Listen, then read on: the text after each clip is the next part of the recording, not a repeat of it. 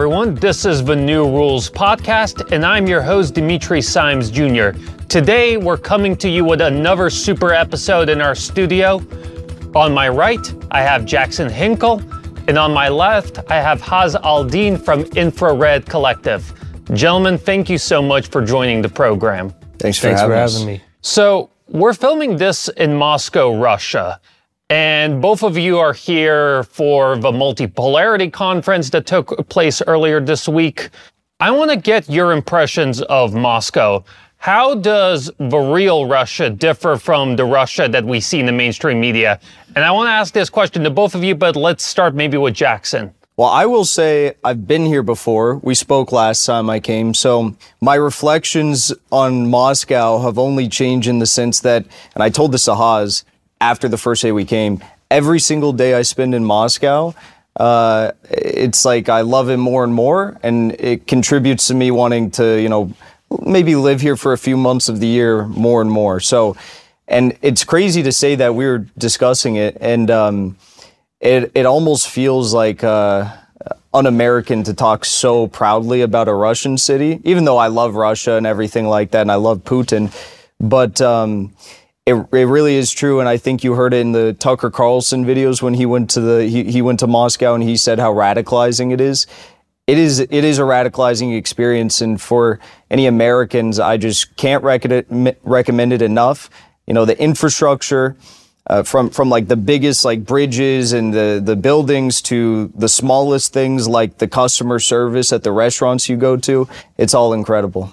Haz, from what I understand, this is your first time in Moscow. What about you? What are your firsthand impressions of the city? And Uh, besides Moscow, I've only been to a handful of cities outside the U.S., and I can say this is the most unique experience I've had traveling and observing this kind of city because, in addition to the fact that it's radicalizing, it's radicalizing because according to it's not just the propaganda of the, the media in terms of morally critiquing Russia as doing a bad thing, therefore Russia's bad. There's also this false sense of cynicism they have, according to which Moscow sucks, everything's outdated, Russia's only gloomy and horrible, and there's nothing there. And people think and take this as a kind of realism. They say, this is, oh, you're not, uh, you, Haz, are the ideological one. You, Jackson, are idealistic and ideological.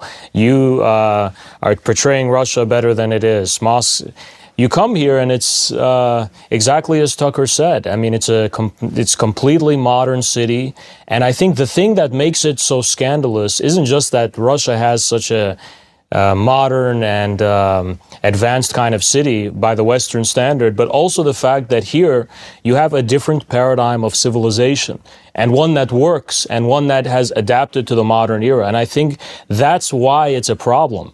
You see, uh, you see in the Russian infrastructure, and I even to an extent the construction equipment, things of this nature. A lot of it is uh, indigenous and made in Russia. It's according to the industrial paradigm from the Soviet era, uh, inherited to at least to an extent, which in many ways uh, differs from uh, American kind of uh, industrial civilization. So you, you, get a strong sense when you visit here that uh, it's a different world, it's a different civilization. Of course, people are the same. People are people everywhere. Well. Yeah, yeah, but uh, I mean, everyone's human. But I'm trying to say, like, uh, it's not that they're space aliens where you can't relate to them, but it's more like.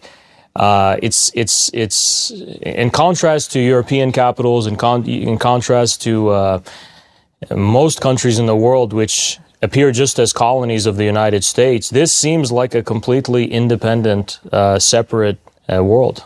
The civilizational aspect is definitely interesting, and I want to come back to that, but I want to dig a little bit on the development aspect of things. And you brought up Tucker Carlson and how it was a radicalizing experience for him. What sort of surprised me was the visceral reaction that Western elites offered to Tucker's simple videos of going to a supermarket in Moscow, to going to a metro in Moscow.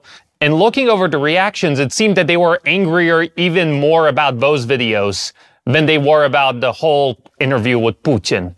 I guess why do why did this provoke such a furious reaction? I think um, one other thing you could look at that you can make a comparison about is look at when Russia was at its lowest in recent history. Like look at the uh, look at the early '90s, okay, and think about how the West talked about it. They said, "Oh, you know, it's."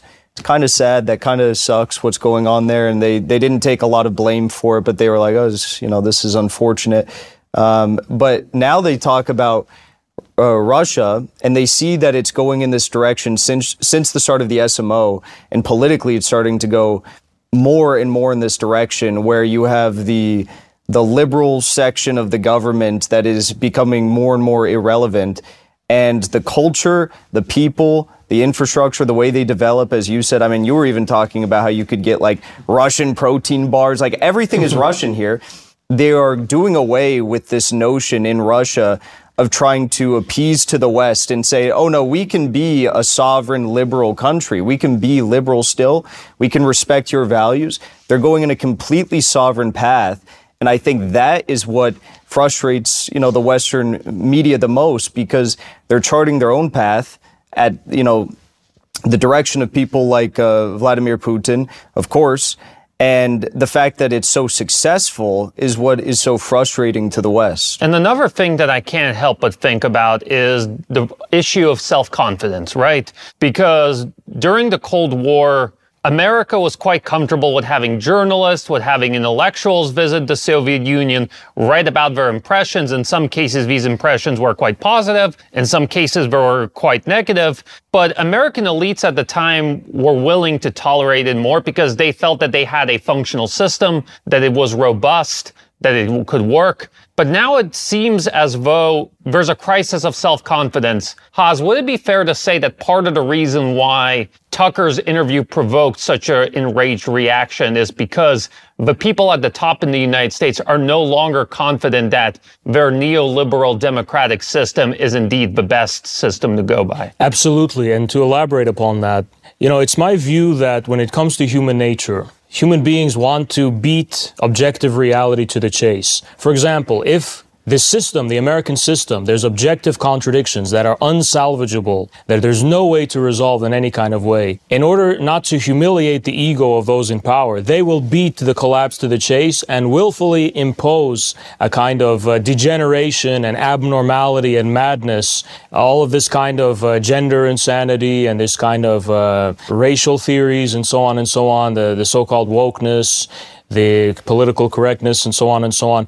People are asking, why is America in decline? Is it because of the woke propaganda? I say, no, America's in decline for objective reasons. This stuff you're seeing manifesting at the level of culture is uh, a reaction to that. And to the point of those who uh, responded to Tucker, you should bear in mind that one of the reasons Moscow enrages them and his description of Moscow enrages them is because it proves you can just be normal. You don't have to have a city where there's uh, urine all over the subway and there's homeless uh, drug addicts attacking people all over. You can have a normal, functioning civilization. You can have uh, promoting family values. It's not a right-wing extremism. It's not neo. It's not Nazism. It's not uh, any kind of ideological bigotry.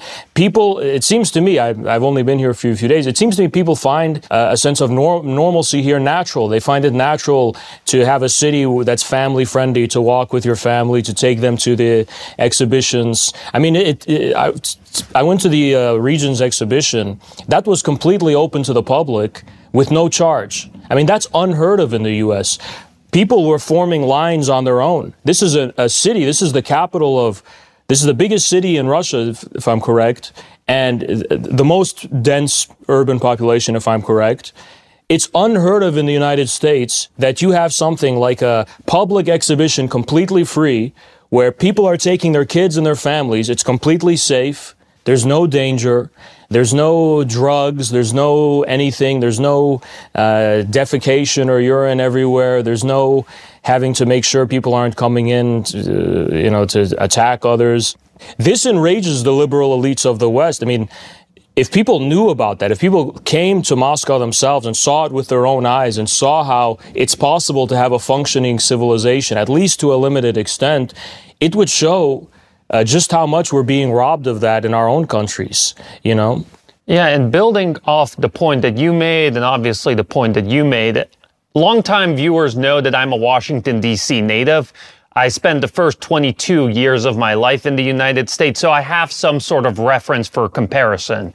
And you know, when people, for example, say that, oh, the metro that Tucker visited, this was a Stalinist monument, this was an anomaly, I would kindly, you know, encourage them to visit Moscow and go to some of the newer metro stations that were open, open last year, open over the next uh, past decade. You'll see that they're functional, that they're clean, and that they're actually better than the one that Tucker showed because they have more modern trains, they have better level of service, so on and so forth. But Jackson, I, I want to ask you, right, about the question of normality uh, that Haz brought up because I listened to the reaction of great liberal intellectuals like Jon Stewart, like uh, Fareed Zakaria, and they said that people like you two don't understand what's at stake because this is not about clean transportation. This is about freedom. The reason people in New York have dirty, dangerous subways is because they are able to live in a free society. Whereas the reason people in Moscow are able to enjoy clean and safe metros is because there's an evil dictatorship that wants to create this facade, presumably for foreigners and for its own glory. I guess what do you say to this uh, counter argument? It, it's just such a it's such a ludicrous counter argument to begin with, and another one of the main counter arguments that goes in line with all of that. Um, it, it, kind of attached to it is like I responded, uh, you know, thank you, Tucker, for sharing these metros, these videos the grocery stores, and showing people how life really is in, in the city of Moscow. Granted, Moscow is not all of Russia, but still, major city, right? You know, that's important. And someone was like, well, on Twitter they responded to me. They're like, "Well, that's just uh, that's just the major city, and that's just one place in the major city, and like that, yeah, like that's just like a monument, essentially, whatever." It's like, well, hey, bud, why don't you go to America's major cities go to New York, go to Los Angeles, go to Chicago, and find me one place that is like one tenth percent as, as as nice as what Tucker showed us in Moscow. You're not going to find it. So it's like. Okay, even if we're going to compare major cities to major cities, they're still beating us by leaps and bounds, and it, it makes no sense. But um, yeah, I mean, it is just normal here. Uh, when we were talking, you know, yesterday, um, Haz and I had the privilege of meeting Professor Alexander Dugin for the first time. And like I said, I really enjoyed your conversation with him and Pepe Escobar.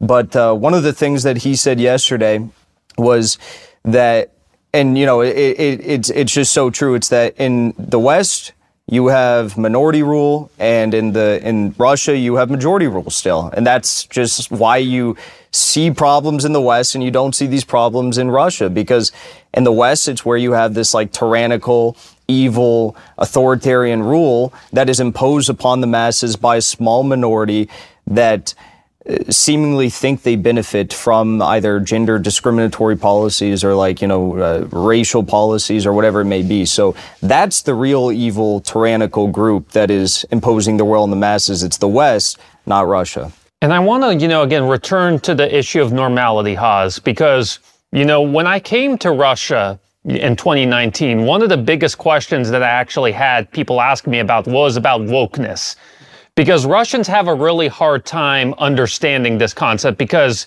you know, for viewers who are not, who aren't unaware, Russia, like the United States, is a multi-ethnic, multi-religious country. In fact, it's even more multi-ethnic and more multi-religious than the United States because it has majority Muslim regions, majority Buddhist regions, uh, all sorts of indigenous groups in Siberia, so on and so forth. And there isn't anything comparable to, let's say, BLM or any of these other weird sectarian, woke ethnic movements. Why is it that, you know, one multi-ethnic country is able to come up with some sort of ideology that tries to unite people despite their differences, whereas US elites seem to be trying to inflare ethnic and religious and you know, whatever other differences. Let's recall what Jon Stewart said in response to Tucker. He said that the price of having a nice, clean metro is that you don't have freedom. It's a dictatorship. People don't have uh, the civil liberties and so on. But it, it's a curious notion of freedom that prevails in the West, which I think contrasts with the notion of freedom that prevails here probably most countries, and probably which would probably resonate with the common sense of most people living in America, not uh, instead of the elites. Let me uh, paraphrase Stalin to talk about freedom. Stalin said, How can you be free if you don't have uh, a job? You don't have a place to live? What good is freedom if you don't have the freedom to be a human being, more or less, and, and make a living? Now, if you, the logic is very simple. It's a notion of freedom according to which freedom has to have content. You need to have the freedom to be something in particular, to, to uh, be free to be the concrete determination uh, that is the whole of what you are, right? And if you don't have the freedom to, to have a family friendly city where you can take kids and walk to the metro and not have to worry about violence and drugs and all this kind of stuff. This is not freedom. This is the opposite. It's tyranny. If I'm on the New York City subway and there's a crazy crackhead walking around roaming it and everyone has to keep their heads down. Okay. Don't, don't draw attention. He's, that's tyranny. That's a dictatorship. Is it not? That's not freedom. So it's a different view of freedom altogether.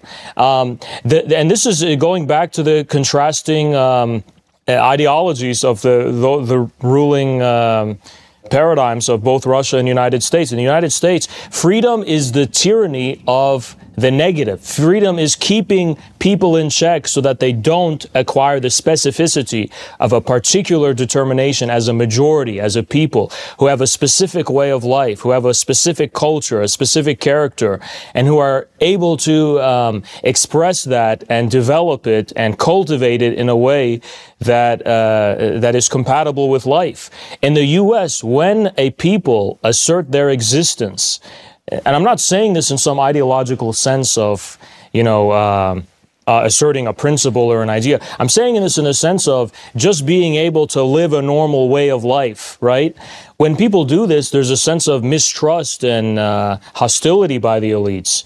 And this is what the woke ideology and the BLM stuff comes down to. All of it is meant to kind of impose an excessive level of reflexivity and conscientiousness upon people's normal way of life. So, for example, I go to the grocery store and I want to buy some fruit or something. Oh, did you know that that fruit is stolen from indigenous? Okay, sorry, my bad. I go on the subway. Did you know this subway was stolen indigenous? Oh, my bad. Oh, sorry. I go and I walk and I be a normal person. Oh, do you know you're contributing to the oppression of black people? Oh, you're you're right. I'm so sorry. So it goes on and on and on. And the whole point of it isn't about black black people. It's not about indigenous people. It's not even about this the LGBT minorities or whatever. It's about making sure people don't have the freedom to just be normal human beings who live their life. And one thing I'll add too about the diversity in Russia versus the diversity in the US, this is something Haz has brought up in your video you did on Dugin, the first one. You said that in Russia, they, um, in Russia, they have come to learn how to respect differences and recognize differences, and that's what makes society function and operate in the way it does. You have those differences that everyone can come to agree, together and agree upon.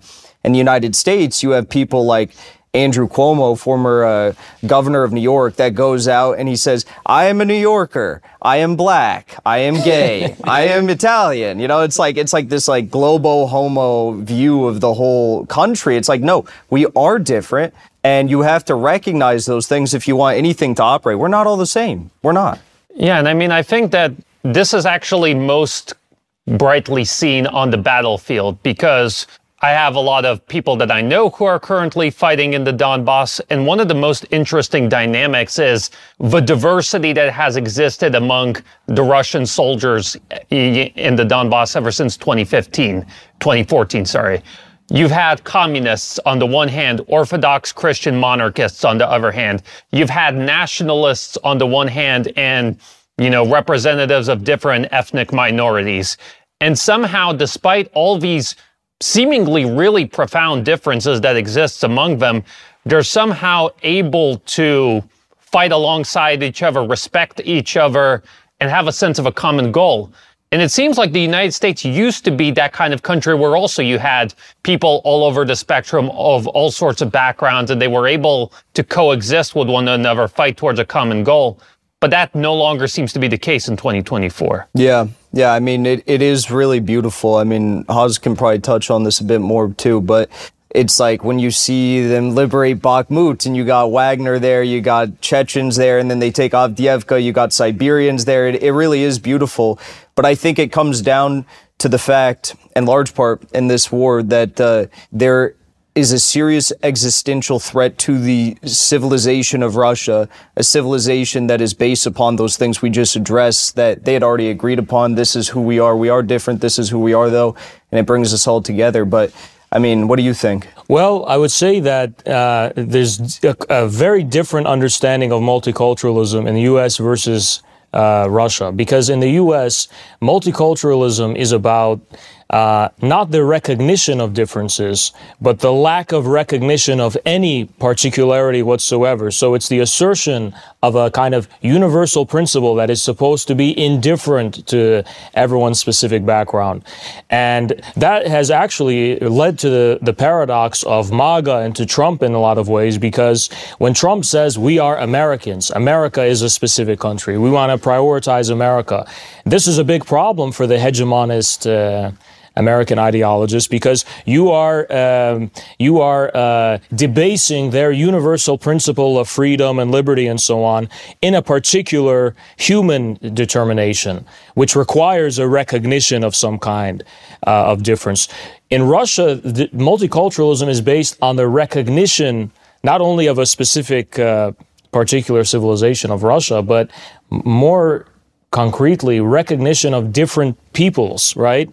Uh, it's not just we don't care, you know, it's just one big rainbow or whatever. It's no, there are these people, there are that people. There's a possibility that others can be different, have a different way of life, have a different religion, while still, um, when all is said and done, giving expression to a higher higher uh, reality and a higher common uh, civilization. So it's a completely different view of uh, of diversity. They share values and tradition yeah, and the values are not imposed from the top down. Yeah. They're derived precisely through the kind of different uh, uh, um, ethnicities and languages and so on.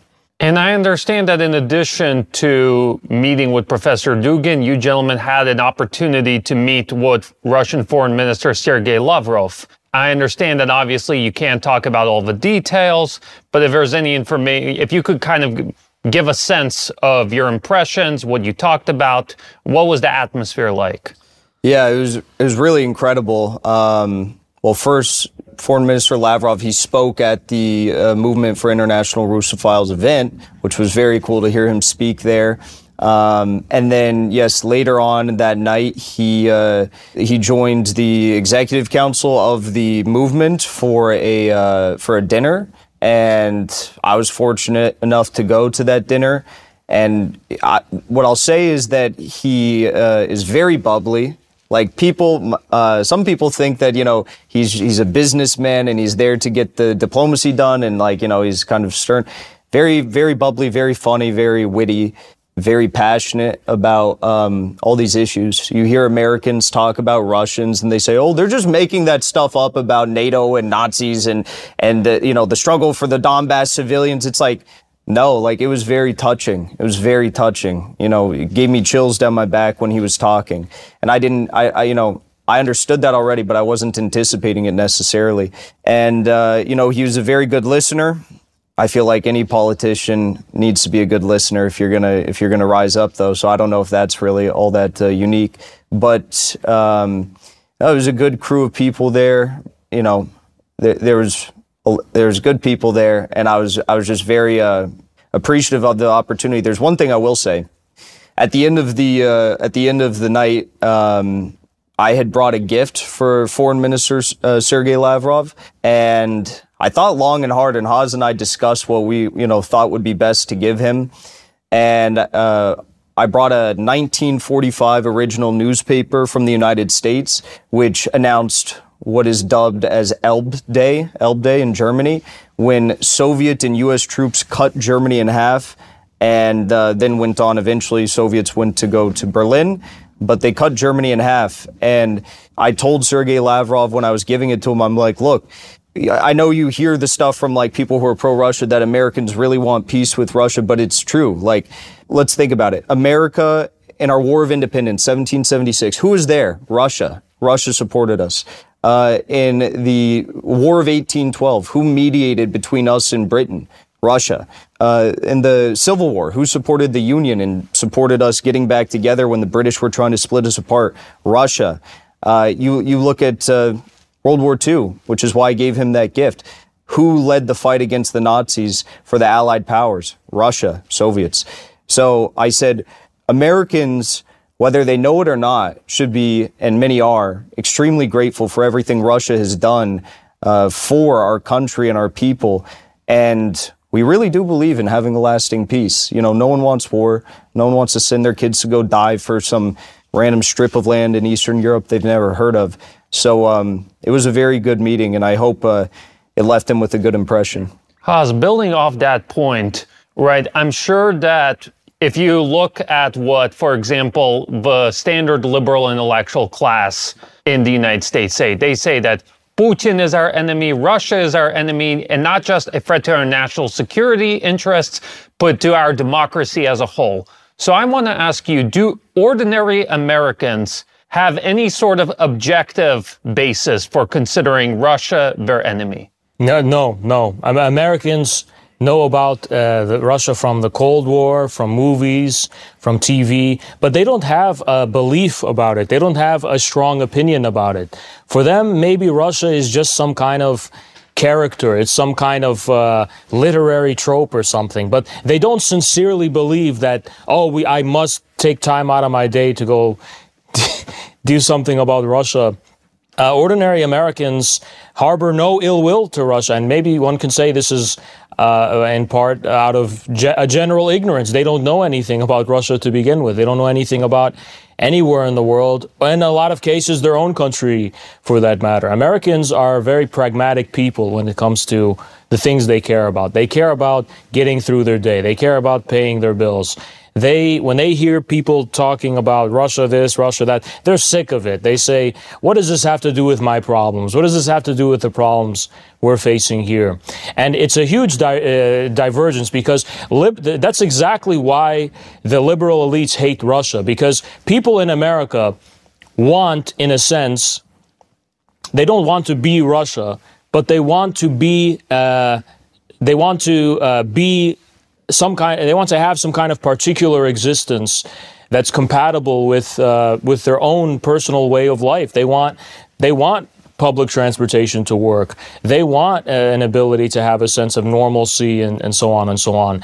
And they see that Russia, to a limited extent at least, by the way, no country is perfect. I'm not claiming Russia's perfect, but it's undeniable that at least from what I've seen in the case of Moscow, there is some kind of paradigm of development here that's compatible with the existence of the people who live here. I can't say that for the U.S. I can't go to any major city in the U.S.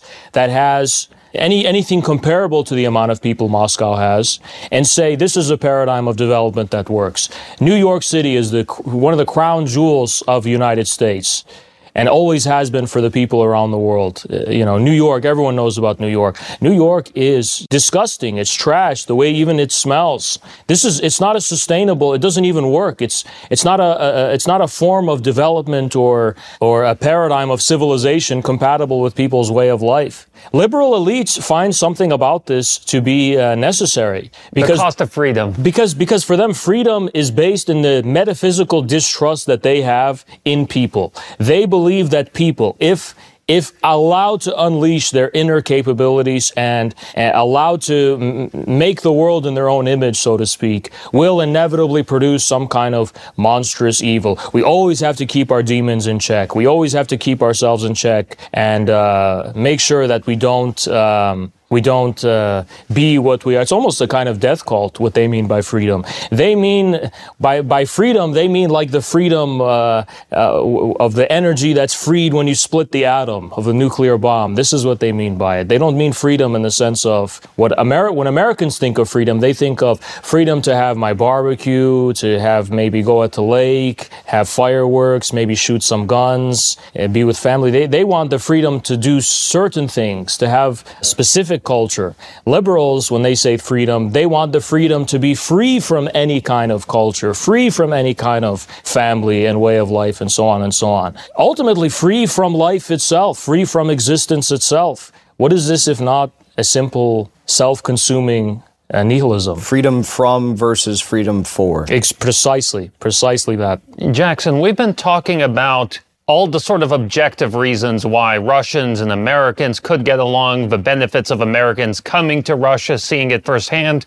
But I think it's important to note that we're recording this episode during a concerning time, right? Because we've seen over the past several weeks growing number of Western NATO officials, starting with French President Macron, ending with Senate Majority Leader Chuck Schumer, talk of a potential of sending Western troops into Ukraine. And at the same time, there are currently 90,000 NATO troops being deployed in Europe as part of a, a large scale exercise, mm-hmm. right? Could Western leaders really do the unthinkable, pull the trigger, and send troops into Ukraine? I think that if there was ever a time over the past two years, two, two years and a few days now for them to do that, it would be now. I mean, just look at what's happening. So you got the you got the Russian presidential election in the process. You've got the U.S. presidential election in the process.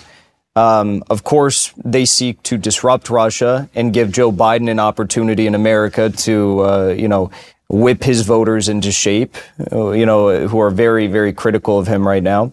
And also, I mean, the war effort is just going so poorly. Russia right now is getting like 60 to 70,000 new uh, volunteers of troops each and every month. The UK has like what, like 45,000 in their standing army, if that, maybe 25. It's like, that's insane. That's insane how many people are signing. Why are they signing up in Russia? Because Russia is taking W after W after W. Their most recent one, the, the most recent large one was Avdiivka, which was huge. Uh, Ukrainian stronghold since 2014, where they killed Givi. You know, it's like this is it's it's really incredible what's happening. Russia's taken over 26% of Ukrainian territory. They've liberated it. So I think all of these things combined, right? You have all of that. And then you have the question of, uh, of, of countries like Poland, you know, and Poland is having these very weird uh, fractures with Ukraine start to take place on the border with the farmers and the agricultural stuff. The president starting to speak out against the Ukrainian president. And we all know Poland wants a part of Ukraine, and they prob- probably will get it at some point um, soon. So you know, it's just it's just a question of how much it escalates. And we all know Putin, and we all know what the Russian, you know, foreign ministry understands about this. We understand why they launched the SMO in the first place because they were worried that the West was going to take some unprecedented measures that deviated sharply from the previous eight years of slaughter against the people of the Donbass and the buildup of NATO forces in the region. Um, but I think Russia has a very rich tradition of always expecting the unexpected when it comes to the U.S. And I'm sure they are exercising those concerns right now uh, in ways that are unthinkable. I was just reading Molotov's book what, what's that book called? Molotov Speaks or something? I think it's, uh, I think some, so, something yeah. to that effect. He was talking about all these things I'd never heard before, some of which I'd heard before, like when the Soviets tried to form the non-aggression pact with the French or the, the British and the UK and how that failed. But also in 1946, uh, the Soviets were very worried that the U.S. was going to drop a nuke on the Soviet Union. So Stalin dispatched a very uh, high specialty group of Red Army troops to the Far East, in which case, if they were bombed by the U.S., they were going to send those troops into Alaska and then march them all the way down the coast of California and start down there. So Russia's always prepared. And I think that uh, they're prepared for worst case scenario right now because the leadership in the West is so insane. Haz, does the U.S. regime have enough legitimacy to try and prosecute World War III? Because when you look at the recruitment numbers across pretty much every branch of the uh, U.S. military. They're not very good. And at the same time, you have active duty U.S. service members setting themselves on fire in protest of the Biden regime's policy on Palestine. So, could, you know, if the worst case scenario materialized, could the Biden administration find anyone who would be willing to fight their war for them? The ruling elites are very aware of the problem of the fact Americans are not willing to die for any kind of war. This is since the Vietnam War. The Vietnam War was the last kind of war where elites held the pretension that they could just conscript Americans to go fight somewhere and they'll do it just because. They, they are aware that Americans don't want to, to fight in these wars, especially not the one you're talking about. But the danger is the preparation they've made, they've turned the military into something more professional in the sense of uh, uh, PMC units and so on and so on. That was one thing they, they started to do. They made it a volunteer force. Uh, having economic and financial incentives being the primary motivation. That has worked maybe, maybe up until now. Iraq War, Afghan War, the results speak for themselves, however.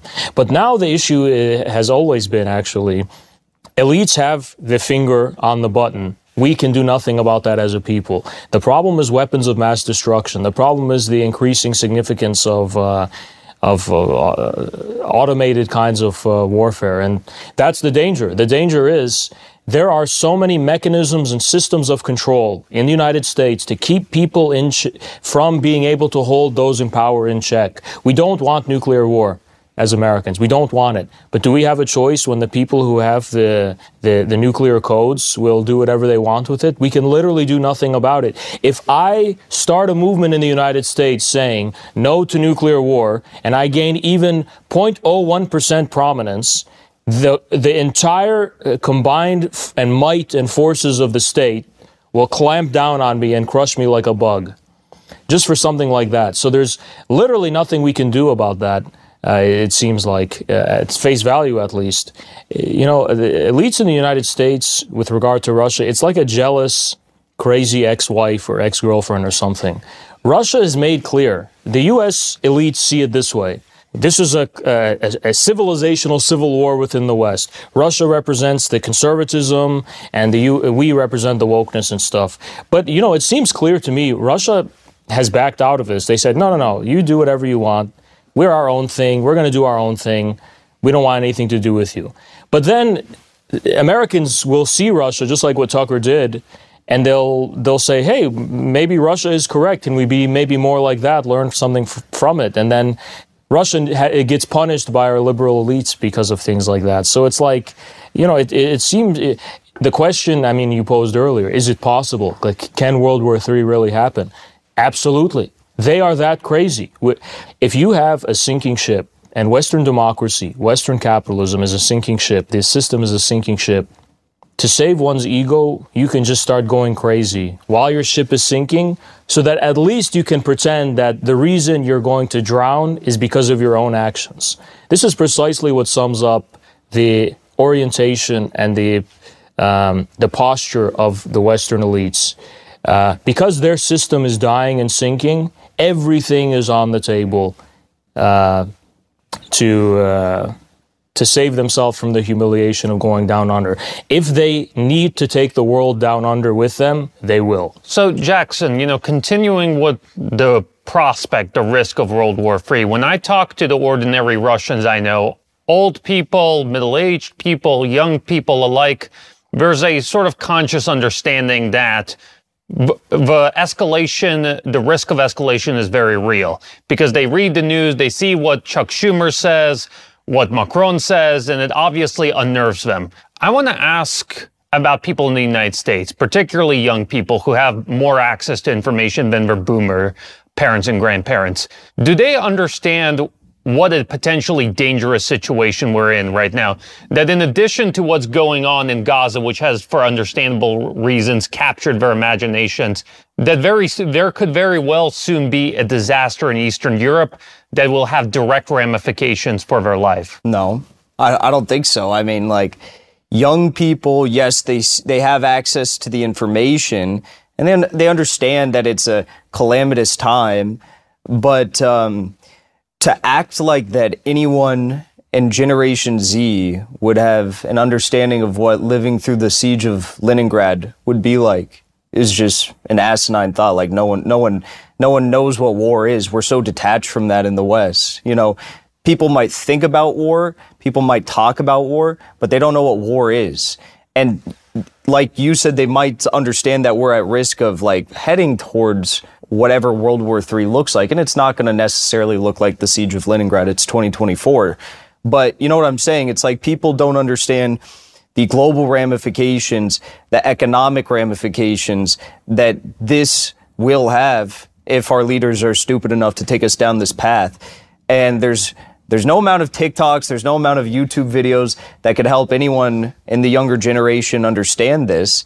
And um, I, I I do think that there's a lot of um, older Americans that lived through the fears of the Cold War, having to, you know, like my parents ducking under your desk as you go to school to do the the bomb drills and stuff like that. That kind of maybe have somewhat of a taste of what that would be like, but you know, for us young Americans, my grand one of my grandfathers who participated in World War II passed before I uh, was born. The other one, uh, you know, when I was young, I didn't have a whole lot of conversations, n- no real in-depth ones about war with him. So I think that we've just seen all these wars of insurgencies and we've seen like drone wars and we've seen all this sort of stuff, airstrike campaigns. No one really knows what war is in 2024 except for Russia, who participated in it, in it successfully in Syria for years and won. And, and, and what we've seen in Ukraine on both sides. The Ukrainians know, all those Polish mercenaries know, and the Russians know. So Americans are way out of depth, and they're about to have a massive wake up call if something like this happens. Haz, I can understand why boomers who grew up in the Cold War may have some sort of lingering obsession with Russia and that they can't really differentiate between the terrifying Soviet Union of their childhood, modern day Russia. But one thing that really puzzles me, and I grew up in the United States and I still don't fully understand it, is why is it that we see particularly strong Russia derangement syndrome among college educated people, you know, relatively young, usually millennial Gen X, people who have an opportunity to grow up in a peaceful, more calmer world, but they still are gnashing their teeth and blood's coming out whenever the subject of Russia comes. Uh, it's very simple because it's their way of coping with the internal contradictions of the United States, which they can't make sense of. They can't account for it. So what do they do? They blame Russia. They see in all the problems of the world uh, in the Western world specifically. Uh, like I said, they see it as a Western civil war in which Russia represents the opposing belligerent. They believe in the so-called values of democracy and freedom and so on and so forth, and they see Russia as the primary antagonist with regard to this. And it's again, it's it's it's it's the notion of freedom and democracy according to which you have the right to not be anything, right? And of course, Russia is. Um, kind of the ultimate uh, villain within this kind of ideological framework. And Jackson, since you know we've been talking about the horrors of war, I can't help but shift the discussion towards what's happening in Gaza right now. Because, you know, Leningrad is a historical example, but what we're seeing in Gaza right now shows what how horrible war can truly be. I guess what does it say about Biden and the Democratic Party elite, the people who try to position themselves as the main moral orbiters of the world, arbiters of the world, sorry. What does it say about them that they supported this, that they enabled this, and that they show no signs of backing down? Um, I think what it shows is, you know, you look at you look at uh, Biden's approach with Russia. I've heard a lot of Russians say this, very, you know, in the know Russians say this that, you know, yeah, there is the deep state that, of course, wants to destroy everything Russian, but Biden does have a very, very personal beef with Putin, a history like that goes back years. And a lot of what we're seeing manifest with this policy towards Russia, uh, with regard to Biden, however much he controls of it, does relate in some capacity to that history that they have. But when you look at when you look at Gaza, when you look at Palestine, when you look at the Houthis, when you look at Hezbollah, it's like, well, you can't come to any other conclusion than Biden just is a psychopath. Like these people are genocidal psychopaths. It's it's as simple as that. There is no personal beef that Biden holds with like the leader of Hamas or some some PFLP faction of Hamas. It's like they're just killing and killing and killing. And even Putin, who had his brother and his uh, grandmother uh, die in the siege of Leningrad. You know, it's like he said this is the modern equivalent. This reminds me of the siege of Leningrad, what's happening in Gaza right now. What I'll also say about it, though, is yes, it is a genocide, but yes, it is also a war. And this is one thing that I think a lot of you know, Qatari funded media seem to leave out. They, they say, they say, oh my gosh, this is so sad, it's a genocide. And all they ever post is like the death, the destruction, the famine, the whatever it is.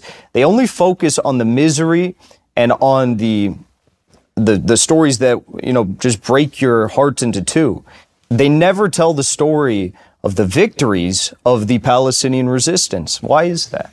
Why do they never talk about all of the $3 million Merkavka tanks that are getting blown to smithereens by like a $500 RPG that was built off of a Russian blueprint given to Iran, then given to Gaza. It's like, why don't you talk about that? Why don't you talk about the fact that the Houthis have managed to, in essence, you know, shut down the global economy without firing a single bullet? Why don't you talk about that? So I think that we also have to address uh, not just the, the, the the horrors of this war, but also look at the victories of the resistance. They are unique uh, in modern history when it comes to this region. And I think if Israel decides to poke around in southern Lebanon anymore, they're going to they're going to have bigger problems on their hands than what they're dealing with uh, Hamas and Gaza. Haz, we've been talking a lot throughout this program about the, about the issue of legitimacy for the current U.S. liberal regime. I want to ask how do you assess the long term implications of the war, the slaughter in Gaza? Because it's easy for ordinary Americans to ignore when Ukrainians are bombing Donetsk or when Obama sent drones uh, over Pakistan, Afghanistan, Yemen, because those were horrifying, but on a smaller scale. Whereas right here, you basically have a 21st century military carpet bombing a dense urban residential area, civilians being pulled out of the rubble on a regular basis, most of the casualties being children. How can a regime that bases its entire self-image, its entire legitimacy around being humanistic, about being compassionate, about caring for the underprivileged, how can such a regime be complicit in what's going on and still survive and still maintain legitimacy? Because the truth is, the United States regime, at least since the 60s and the counterculture, it already lost legitimacy a long time ago. But how it was able to um, maintain power is a different issue. It maintains power not by saying we are legitimate, we represent these values. Maybe they say this, but no one, everyone's cynical about it. The U.S. is uh, self-cynical about itself, even in the short term. When George W. Bush was talking about bringing freedom to Iraq, the whole media was cynical about it. Nobody bought it. But how are they still able to do it? Because it's simple. The prevailing outlook in the United States is not that we are legitimate and others are illegitimate. It's that we are illegitimate but anyone who tries to be legitimate must be destroyed because no, you must also be legitimate as well. So if you want to have a sovereign uh, form of independent development and, and stand up for yourself and stand for some kind of values or defy the Western global order, you're a problem. They're not the, the people in power are not saying America is great. America. They're not claiming that. They're claiming that we are uh, of the devil and you must be as well. basically. Like, yes, we're the worst, uh, but that's just a metaphysical question of human nature. So, and it, yeah, it's just too costly to let anyone be sovereign and find their own way. It's like, well, you know, these people in, in the Beltway, they must be thinking to themselves, like, but, you know, if we let Libya do what they're going to do, it's like, well, what about the dollar? What about the health and well being of the. They look at Russia today and they, they say, well, of course we have to destroy Russia. What, what if they go out and develop an alternative to Swift? What if they develop an alternative to, uh, you know, whatever it may be? You know, it's like, uh, and this is, I think, going to be the number one issue with China because who who holds the most rapacious forms and the largest uh, quantities of debt in the developing world? It's the United States, it's the IMF, it's these private equity groups, it's the World Bank, it's all these groups, and the loan structure is horrific and it's not forgiving and they they weaponize the the the, the debt against countries in Africa, countries in Central Asia and Southern Asia. And China presents a real challenge to that. Their infrastructure projects that they work with these countries on are, it, it's like win win cooperation, it's good uh, loan structures. And they're not out to go and, and flip countries over and destroy civilizations. And I think that's why China is the biggest threat of all, because, you know, the U.S., of course, has problems with Russia. But when you talk about international, you know, loan systems, like that's that's the West bread and butter. So of course they're going to eventually go to war against them too. I want to, you know, return to one aspect of the discourse surrounding Israel because there's an entire class of internet pundits like Ben Shapiro, Douglas Murray, who argue that patriotic Americans should support Netanyahu's actions in Gaza because Israel is effectively protecting Western civilization itself. I want to get your response to that. What would you say to Ben Shapiro, to Douglas Murray, and their supporters who put forth this argument? Well, let's see how we can put this in the best way. I think that anyone who claims that oh, we have to protect Israel or Ukraine for that matter because they uphold Western values. It's like, gee, I didn't know upholding Western values meant bombing 30,000 women and children. I didn't know that upholding Western values in a nation that was was funded on founded upon Christianity meant protecting and funding a country to the tune of billions and billions of dollars. In the case of Israel, that if you are a Christian in, they'll spit on you on the streets. Or if you're in Ukraine and you're you're a Christian in Ukraine, they're going to lock you up in prison like they're doing to the Orthodox community there. It's the most hypocritical thing I've ever heard. There's nothing fundamentally Western in the sense of the true, you know, American patriots, our values, what we uphold as freedoms in our country that align with the state of Israel. I mean, there's nothing whatsoever. Um, you could look at freedom of speech. They don't have freedom of speech there. If you want to wave a Palestinian flag in, in Israel, well, you're going to get locked up, put in prison, and tortured or something. It's like that. We've seen that happen time and time again. We've seen people put in prison for less than that. So people like Piers Morgan, people like Ben Shapiro, these other figures that I don't even want to give airtime to, it's like they are nothing but foreign agents who are keeping America shackled to an international system of, of warfare and foreign policy that has its roots in imperialism and only benefits a very small number of Americans. People like Ben Shapiro, people like the U.S. State Department, people like you know, uh, the Brits and the City of London. It's like, at the end of the day, it, it hurts the American public to push for the, for these wars, and that's why I say Ben Shapiro is an enemy of America. And you know, when they say Israel is a is a bastion of democracy and freedom in the Middle East, you have to read between the lines. What does that actually mean? It means uh, China and Russia are very big uh, big uh, super states, right? They're, they're forms of regional integration, organic regional integration. This is why Putin, in the limited sense, he can say, Russia has no borders. Is that what the quote was at the exhibitions? He doesn't mean Russia wants to conquer the world, but he means Russia is a paradigm of regional integration. There's a, there's a, there's a, there's something here that works of being able to aggregate and integrate different peoples and cultures and territories into something that works. Well, the reason you don't see anything like that in the Middle East is at least in part because of the existence of Israel. It's there to serve as a fetter and a, a, break upon regional integration, development, and the formation of a uh, sovereign uh, form of modern civilization. And th- that's what they mean by freedom freedom to not be a specific civilization, a specific polarity. And uh, that's, why, uh, that's why Israel is a bastion of freedom uh, in the Middle East. And this is exactly why it has to, with such intensity and with such ferocity, engage in the genocide of the people of Gaza. It's in. Many people look at it and they say, why are they so aggressive? Why are they so uh, harsh on the people of Gaza? Why are they so bloodthirsty? Are they sadistic? What's motivating them?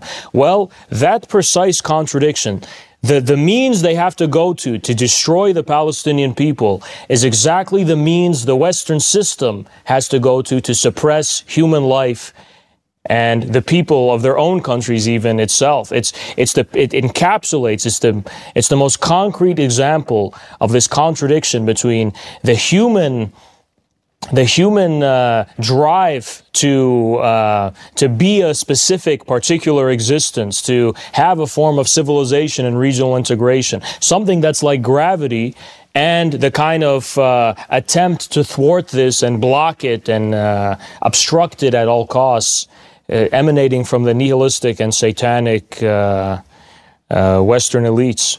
And I'll say one more thing about my dear friend Piers Morgan, because you know, Piers Morgan from the beginning of this whole uh, October 7th, the the genocide on the people of Gaza, he's been saying stuff like any American who uh, says that you know we shouldn't support Israel, you're a terror sympathizer, and we should wipe all these Hamas supporters off the face of the earth.